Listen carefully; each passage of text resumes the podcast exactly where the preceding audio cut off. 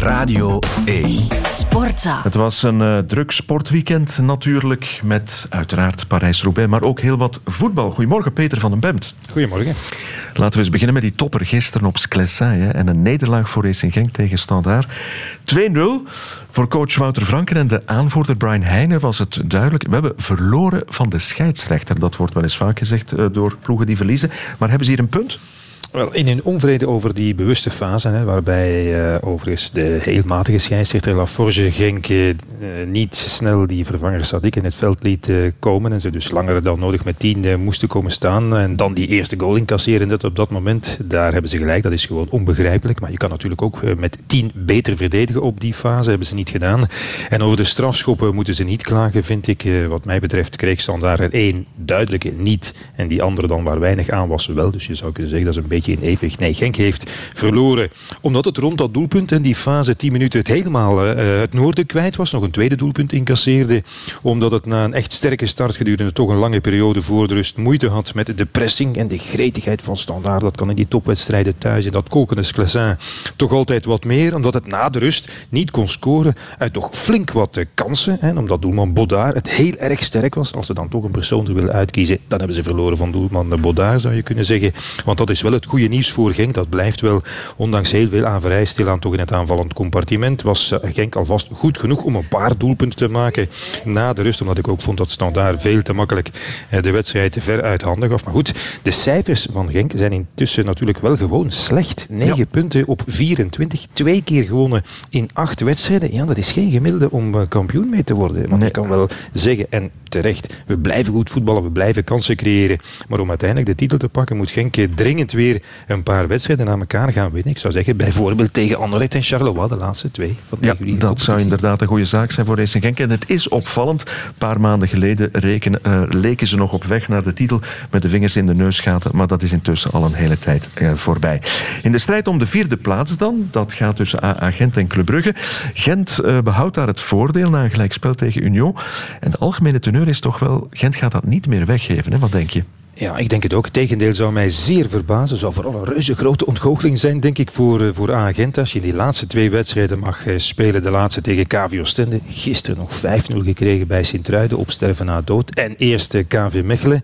Ja, dat zou ronduit pijnlijk zijn. zelfs met nog twee Europese wedstrijden tussendoor tegen West Ham. Trouwens, KV Mechelen tussendoor. Wat is daarmee gebeurd, vraag ja. ik me af. De bekerfinalist. Vier keer verloren in vijf matchen. Veertien tegendoelpunten. Met de week zie je trainer Steven de Voer wanhopiger worden. Omdat hij maar probeert uit te leggen dat je niet alle wedstrijden kan verliezen en dan ineens scherp zijn nee. voor die bekerfinale. Ze lijken het daar niet echt te, te snappen. Maar goed, Gent dus. Heel moeilijke wedstrijd moet ik zeggen tegen Union. Dat nog maar eens twee gezichten toonde. Voor de rust een periode heel sterk. Zoveel métier in het controleren van de wedstrijd. Vaak prachtig voetbal ook gespeeld. En dan na de pauze gewoon weer veel te veel bezig met het verdedigen van die voorsprong op alle mogelijke manieren. Eigenlijk niet meer goed gevoetbald. En ja, anders dan in Genk een paar weken geleden. Nu net niet gelukt door die penalty in het slot van de wedstrijd. En overigens een terecht punt voor AA Gent. En uh, ja, AA Gent staat in play-off 1 natuurlijk te ver, denk ik echt wel, om mee te doen voor de titel. Maar het is wel een uitstekende scherprechter voor die andere die. En veel meer dan zijn concurrent voor plaats 4, Club Brugge. Dat uh, haalde toch weer een heel matig niveau tegen God Betert Serra. De laatste in het klassement die nu gedegradeerd is. En Club is gewoon op dit moment op zijn plaats in play-off 2. En daar zal het nog flink zijn best moeten doen tegen ploegen die wel een betere vorm hebben en meer vertrouwen, zoals Standaard, zoals eigenlijk ook Westerlo, om nog Europees voetbal af te dwingen. Ze zullen het in Brugge niet graag horen, maar daar ziet het inderdaad wel naar uit. Het was ook het weekend van de hensballen in Gent, Antwerpen, Anderlecht. Wat is het probleem ja, met handspel of geen handspel? Vroeger was dat toch veel duidelijker, had ik de Ja, Jan, dat niemand er nog aan uit kan. Zo simpel is het. Ja. Uh, dat er een veel te grote grijze zone is waarin scheidsrechters en VARs ja, intussen ook hopeloos verloren lopen en er in hun beslissingen geen lijn te bespeuren valt. En je kan het hen eigenlijk niet kwalijk nemen. En uiteraard, ik weet het wel, je hebt het daar straks ook al gezegd, met de eindstreep in zicht. En dat is elk jaar opnieuw het geval. Worden de reacties feller, worden fouten van de scheidsrechter uitvergroot, wordt er meer op gefocust. En, en uitspraken zoals die van Brian Heijnen en vooral sportief directeur Avila van Cercle Brugge. Ja, daar wordt je in Engeland stevig voor gestraft. En zeker ja. die Avila die uh, alweer een complot tegen Cercle Brugge vermoedt hè, voor die penalty die ze ja. hebben tegengekregen. Ze hebben zeker gelijk in hun onvrede, maar dan zeggen ja, ze willen ons er niet bij in, in in uh, play-off 2. En dan vraag ik me altijd af, ja, wie, wie, is dat dan zo? Maar oké, okay. bij, bij handspel, dat is het probleem. Er worden in veel vergelijkbare fases andere beslissingen genomen. En dat leidt bij spelers en trainers en ongetwijfeld ook bij scheidsrechters zelfs tot frustratie. En dat is logisch. Er was nu een keer die regel van de steunarm. Hè, dat was duidelijk voor mij. Als de arm op de grond is, geen penalty. Ja, dat is ondertussen blijkbaar uit het reglement eh, verdwenen. En ook daar is het dan weer inschatten en interpreteren. En dan krijg je hommeles. Ja, vroeger waren er in elk geval veel minder hensballen. Dan spraken we nog over onvrijwillig handspel en dat soort van dingen. Maar dat is er helemaal uit. Tot slot, Peter. Er wordt ook nog volop strijd geleverd voor het laatste ticket in play-off 2. We hadden het daar zo, zo net over dat Club Brugge daar waarschijnlijk misschien zal inzitten. Maar daarin heeft Anderlecht dat daar al uh, weken op mik toch een slechte zaak gedaan. Hè? Ja, en, en uh, met die 0-0 tegen Westerlo, een rechtstreekse concurrent, uh, mogen ze heel blij zijn. Hè? Als je kijkt naar, naar het laatste kwartier, net als vorige week op Eupen, overigens met heel veel geluk. En gisteren nog maar een keer uh, geweldig keeperswerk van Bart Verbrugge. Uiteindelijk overeind gebleven en nog een puntje gepakt. En daarvoor, uh, ondanks veel overwicht en goede willen, een sterke start van uh, de twee helften eigenlijk.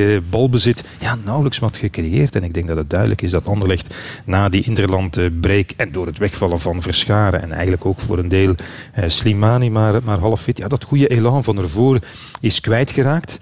En het is best mogelijk dat Anderlecht, hè, speelt nu twee Europese wedstrijden de komende twee weken tegen AZ, dat Anderlecht daar voorbij moet geraken om na 23 april nog te kunnen voetballen. Dat zou dan eh, uitsluitend Europees zijn. En oké, okay, play-off 2 kan natuurlijk nog altijd. Ze staan maar een puntje achter eh, Charleroi.